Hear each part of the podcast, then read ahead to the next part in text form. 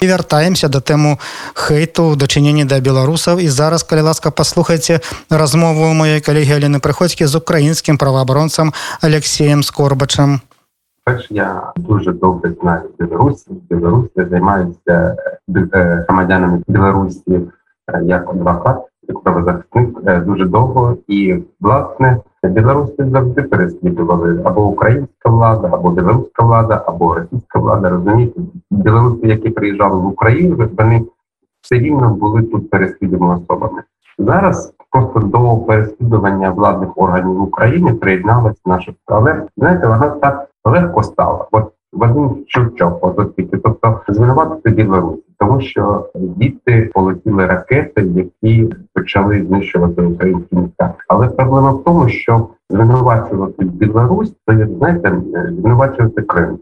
От Крим до нас також летять, там бази російські, там і ракети летять в Україну. Але ніхто не думає, що чому звинувачуємо Крим, да? тобто ми звинувачуємо росіян, які в Криму. Але кримчани, громадяни України, ми не звинувачуємо, тому що вони окуповані, тому що Крим анексований. І у нас уява така, що анексувати можна лише військовим шляхом. Ніхто не думає, що Білорусь також анексована, фактично, або але іншим шляхом просто купили диктатора країни і все.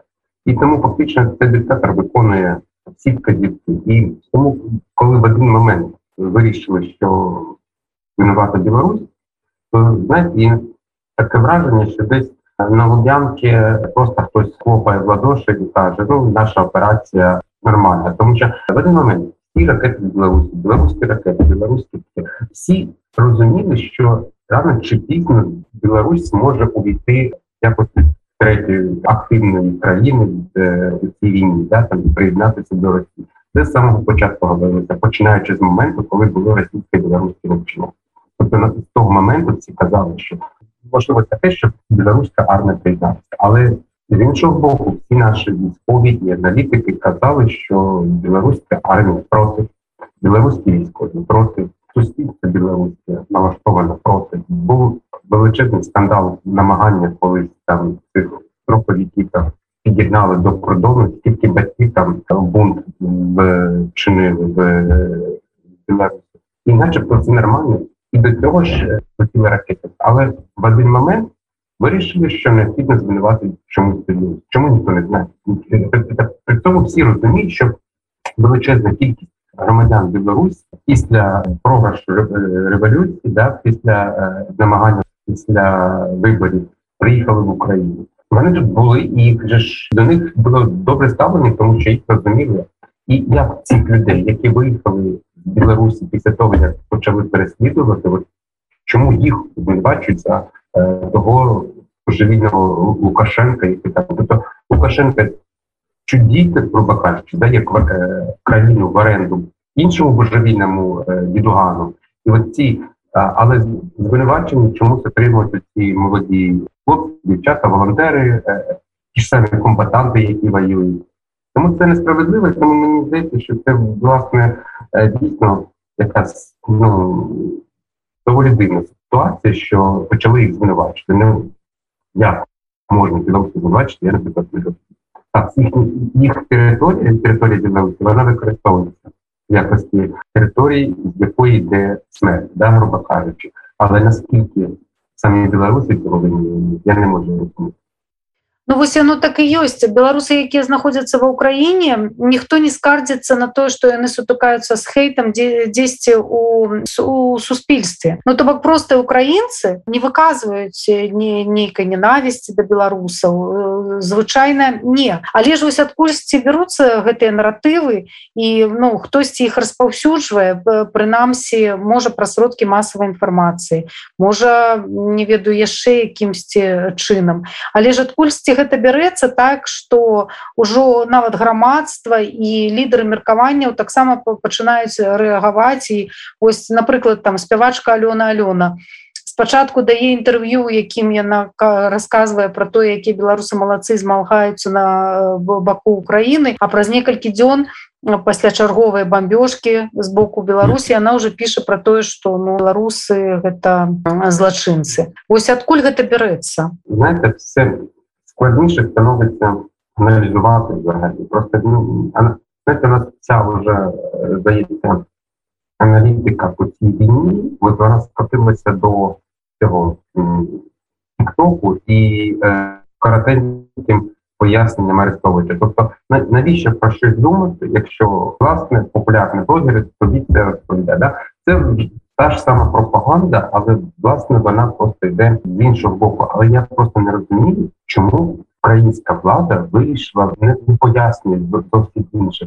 Це при тому, що саме українська влада дуже добре відноситься і відносилась до Лукашенка і до його режиму. Я просто хочу нагадати, що у нас взагалі ж були до останнього, до 20, не знаю, до 23 лютого. У нас були просто ну настільки добрі відносини, наскільки можна було уявити. Це при тому, що білоруський посол виїхав, да, отак цим шоу, коли там виїжджав, е, е, коли вже там і все рівно у нас торговельні відносини. Всі кричали країна диктатура, країна одного сміялися з Лукашенка, стільки анекдотів. Але знаєте, з Лукашенка зробили такий символ, начеб такий ледь божевільний, але добрий і той же час справедливий дядько, да? такий от настоявший там колосник, директор керівник. І от оцей імідж дуже добре в Україні його підтримувала та ж сама наша українська влада. Від Порошенка Зеленського те ж саме ніхто у нас ніколи не було взагалі жодних проблем з Білорусі взагалі, в принципі, коли почалась після виборів акції протесту, наша влада жодним чином фактично не допомагала взагалі. Єдине, чим ми там обмежувалися, це ми не будемо втручатися у е, там у справи іншої е, країни. І коли програли, то чим закінчилось, що білоруси приїжджали в Україну, яких переслідували, і в Україні жодним чином допомогли. Це казки, що тут е, допомагали. Так, через деякий час, через рік здається, білорусам дозволили е, проживати 180 днів поспіль.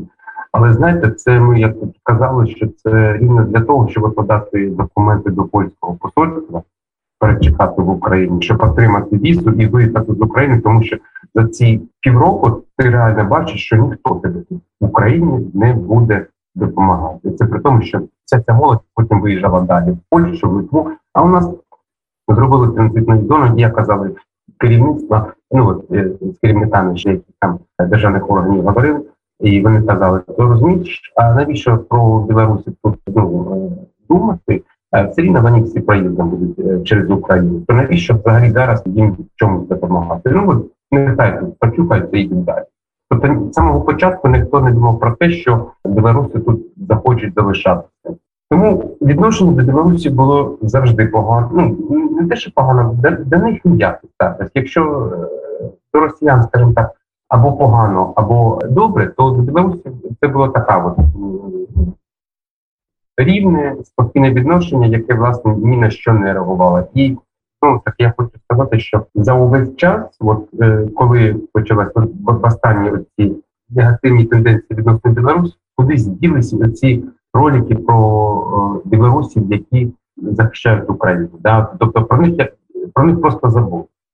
Фактично про них забули і забули про всіх е, волонтерів, які допомагають. Ну тобто таке враження, що вони позитивні білорусі кудись зникли і залишилось оце одне що до нас летять ракети. І от оце меседж кожного разу він е, вони кожного разу його підкреслюють, що всі ракети летять Білорусь. Ракети летять з Криму, ракети летять з Чорного моря, але ж ми не звинувачуємо всі там ті країни, які стоять на на узбережжі Чорного моря, в тому, що вони е, дозволяють росіянам стріляти з території Чорного моря. В цій ситуації мені здається, е, необхідно розуміти одне, що ворог тут тільки єдиний. Путін, його довбана Росія і е, і ті там марадери, гвалтівники, які називаються е, ну, е, збройними силами Російської Федерації, їх вже складно назвати, це їх можна назвати лише терористичною організацією. Але ці росіяни, Путін і е, терористи, от оці люди винуваті. Винувати винувати інших людей. Я просто ну і для мене взагалі я не розумію. От цю ситуацію в Білорусі я її не розумію. І мені здається, що це в принципі я не можу сказати коли, я не можу сказати де. Але в якийсь момент воно е, дуже було класно відкинуло цю тему Білорусі. Розумієте? начебто вже готують до того, що Білорусь буде нашим ворогом. Тобто, от, от якось ну, ми повинні для себе приготуватися, що Білорусь буде нашим ворогом. Розумієте? Тобто, мені здається, що це все-таки якась тонка, якась можливо неочікувана обережна операція від ФСБ, яке от, це зробили, тому що не прямо, не грубо, як вони зазвичай зазвичай роблять, а якось так обережно через других, третіх блогерів. От але одночасно і по всіх заговорити про Білорусь, як винуватись у е, багатьох там проблем. Тому що я не розумію яким чином. Просто якщо взяти наслідки да, е, смерті, е, бомбьошки і а потім що це ракети з Білорусі, але потім подумати, що власне єдине, що там дійсно вони летять з Білорусі. Єдиний, хто дозволив це зробити це Лукашенка. Я не думаю, що там взагалі будь-інша особа взагалі має на це право це зробити. Там виключно Лукашенко, і виключно він дозволив це зробити. Це більш нічого. Звинуватити білорусів у тому, що вони це дозволяють робити. Ну я ж кажу, що а, це як звинуватити кримчан. Розумієте, от, от там ж теж багато про українських, незалежно від того, скільки там залишилось, скільки там ФСБ кожного дня е, кримських татарів е, арештовує, засуджує, все рівно вони є проукраїнські. Да? Е, все рівно є якась частина, е, яка не вдоволена е, ситуацією з Україною з Кримом. Але ми не і ми чомусь не, не звинувачуємо Хоча Чорноморський флот е, активно дуже бомбліць нашу країну. Кому гэта на карысць вось такі падзел і распальванне варожа ў бок беларусаў Канечні бенефіцарі ми його знаємо, розумієте, це е, Путін і Росія. І звісно, а як яким чином от е, уявіть, що Україна у більшості да, 92% ненавидить Росію. От зараз по цим опитуванням, коли там було е, там, там два тижні дивився, Путін зробив нереальну річ, він об'єднав Україну від сходу до заходу, да, від півдня до півночі. Він об'єднав у ненависті до Росії України. Харків став більш бандерівським, ніж Львів, розумієте? Тому і от уявіть, от як можна і боротися з цим от, е, об'єднаним народом можливо лише одним чимось їх розставити. От цю ненависть до Росії треба розбавити е, ненависті до якоїсь іншої країни або ненависті до якоїсь іншого народу. Розумієте, буряти дагестанці не прощені. Ненависть. От скільки нам розказують там буряти, там дагестанці. Вони відносяться як до росіян. Тому от цю ситуацію треба розставити зовсім іншим. І Білорусь, ну тут дуже шикарний варіант, тому що ну, власне це тримати Лукашенко в руках, тому що ну скажімо, він вже нікуди, тому що тебе не навезуть в Україну. Ти вже своїми анекдотами або цими ситуаціями я люблю Україну вже не прохватить, да, це кажучи. Це інший варіант, що власне і Білорусі треба е, просто білорусам потім показувати, от дивіться, як вас навіть в Україні. От розумієте, ці висказування популярних наших громадських активістів, наших політичних лідерів або тих ж самих наших зірок естради, да, от послухайте, відома українська естрадна зірка, от так висказала про Білорусь, або там громадський діяч, тобто вас в Україні ненавидять. І дивіться, як і звісно, у Білорусі, які сидять в Білорусі, буде така думка, нас в Україні вже не навіть. Нас не то чому ми будемо туди? Тобто це фактично ігра на е, е, в одні ворота. Це це, це виключно для мене це одне. Просто така спецоперація вдала, обережна, на відміну від інших. Це не гаркнути ракетою по Кремчуку, по торговому центру, а потім казати, що це українці саме себе бомблять, або там е, нема там не було жодного пожару, і це все фейк. Хоча зрозуміло, що там є, я не знаю, там космосу. Я я впевнений, що цю ракету продивилися. Розумієте, але оце грубо, да там, як там сказав, здається, що це ми, ми допоможемо встановити істину там при пожарі е, в Кременчугі, так, грубо кажучи, е, Кременчугі. А ну, це ж група е, підробка, скажімо так, фактів. Е, фейки все, фейк, фейк, фейки.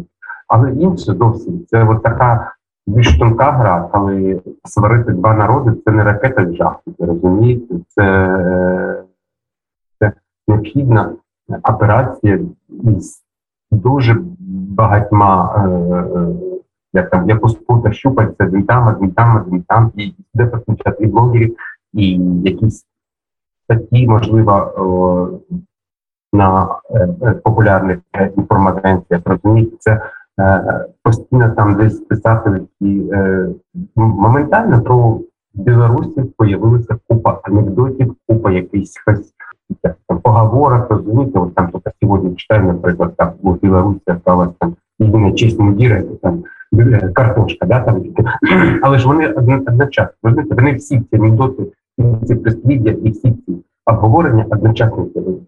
Може, тому що якщо була проблема, то ну, якщо це було б не актуально, ну, поговорили б от як про самого початку, там, що означає буква О в Білорусі, да, і там і там дивилися, як ото гарцують ті машини біля кордону, білоруські, туди-сюди, туди-сюди. Ну, бензини много можна кататися, да, тільки там Лукашенка постійно.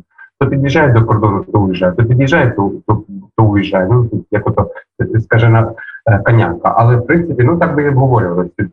Але от якийсь момент надоїло обговорювати Білорусь в такому і вирішили, що вже один Лукашенка не до того стільки ненависті ясе. Необхідно, щоб не в Україні не ненавиділи всіх білорусів, розумієте? Це складніше зробити, але можливо, як показує. То як падаецца зараз могуць зрабіць беларусы са свайго боку каб трошку трошки гэтую напружанасць можа знізіць што могуць беларусы зрабіць са свайго боку? Што могуць украінцы зрабіць са свайго боку каб вось не не давесці вось гэта да такога ўзроўню ненавісці калі ўжо потым аб'яднацца ці нейкім чынам увогуле пайсці на нейкі дыалог ужо будзе цяжка альбо увогуле немагчыма? Беларусам будзе важче тому що взагалі білоруси вони ну скажімо так більш м'якіші ніж росіяни тому що дуже багато російських активістів, опозиціонерів навіть зараз нагризаються дуже часто і кажуть, що не ми винуваті, це винуват там Путін, та і пошли ви тільки давайте наведуть. Достатньо хамська агресія, власне, у тих росіян, які не підтримують Путіна, там і є проукраїнськими, але вони вважають, що таким хамством ще повчати да, українці, українці, як що їм робити, як ставить там е, говорити по відношенню до Росії. Да, наприклад, мені чесно кажучи, не чхати, але власне вони достатньо тримають свою масу. Білоруси вони якіше, вони займають позу е, винуватого, да, от як то ставати на лавочку, знімати е, обув, да, тільки свої, тільки коли протестували, то ставали на ті лавки і знімали обув, щоб не щоб ту лавку не не самі того, щоб взяти цю лавку і надавати по морді ОМОНівця, да, тільки тобто і зараз в цій ситуації, коли почався такий масовий хай, білоруси просто виправдовуються, розумієте, винувата виправдовуються. Причому вони тонко е, саме з саме розуміючи того, що вони винуваті е, у тому плані, що з територію летить ці ракети, вони все рівно якби і сприймають, що це ми винуваті, хоча ну і це, це дуже дико, тому що власне знаходячись в Україні у рази гіршому відношенні ніж українці, тому що міграційна служба їх колошматить на кожному е, кроці, е, МВС колошматить їх на кожному кроці, не дай Боже, там та ось навіть там провідниця е, поїзду е, колошматить разом з поліцейськими. Ну, грубо кажучи, що е, власне і вони все рівно не хочуть пояснити. Вони пояснюють це таким, вони не, не можуть чесно пояснити, що нас не готували, нас е, нас е, проблема з цим божевіллям. Вони кажуть, так, ми винуваті, е, зрозуміти нас правильно, я, я, ну, я ж просто кажу, розумієте, для українця взагалі дуже важко зрозуміти, як можна анексувати без війська, да? як можна анексувати без армії. Не можна зрозуміти, що людей е, хапають на вулиці не за той колір одежі. Не можна зрозуміти, що людей там хапають не за той е, месенджер, е, не за той там телеграм-канал. Розумієте, це неможливо пояснити. У вас ж війни немає. Це ж це як ставка. Ну це от єдине от те, що ми в суді постійно чуємо і в міграційній суді, у вас немає війни, там ну є там якісь окремі порушення прав людини, але окремі порушення прав людини. І нас нам постійно кажуть, Україні в Білорусі є окремі права порушення. І здається, таке ж враження, що самі білорусі вже починають вірити в свою вину. Розумієте? Тобто мені здається, що білорусам перше, що треба зробити, це перестати бути от цими во всіх дирках затичка, да, там, грубо кажучи, от ви винні, так ми винні, і ви там ви винні, і ви там ви винні. І, не погоджують.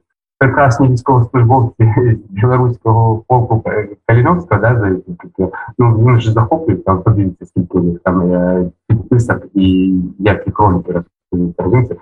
Але ж чому люди не роблять, скажімо так, для себе паралель, що це також білоруси, це саме білоруси, яких ми от зараз та Альона Альона робить винними в тому, що летять ракети з території Білорусі.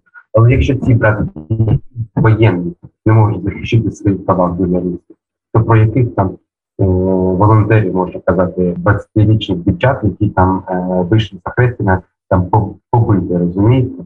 Це це дуже важко, тому і тому мені здається, що тут можливо білорусам треба реально розмовляти вже з українськими не знаю, не язиками, а політичними діячами, щоб вони казали, той же Олексій Гончаренко, да, який там підтримує Білорусі. Ну той же ж може хай в своєму ютуб каналі позатикати всім рота і сказати, а де ви розумієте тільки або інших. У нас дуже багато прихильників Білорусі. У нас реально дуже настільки ну лагідне, настільки добре відношення до Білорусі, до Білорусі, що навіть коли почалась війна, всі розуміли, що ну, що Білорусь і як країна, як і півагресор країни Білорусь, то там насправді це дві різні Білорусі. Так, вони на одній території. Білорусь і Білорусь. Вона на одній території ці Білорусі Білорусі один президент, розумієте, але це зовсім різні, е, зовсім різні країни. Якщо Путін, дай Бог, е, здохне попаде в пекло, то я думаю, що дуже швидко Білорусь стане доброю, звичайною Білорусі, до якої ми, ми звикли. Тому що е, дійсно, ну можливо, ще знаєте, що від нас? Можливо, якась обіда, вот така, вот, вот, знаєте, ну, і ти бруд, понимаете, вот, з цього от, боку. Ну, від вас ну, ніколи не, очікували, да, от, тому що якби ну, всіх не разом з білорусами взагалі були добрі.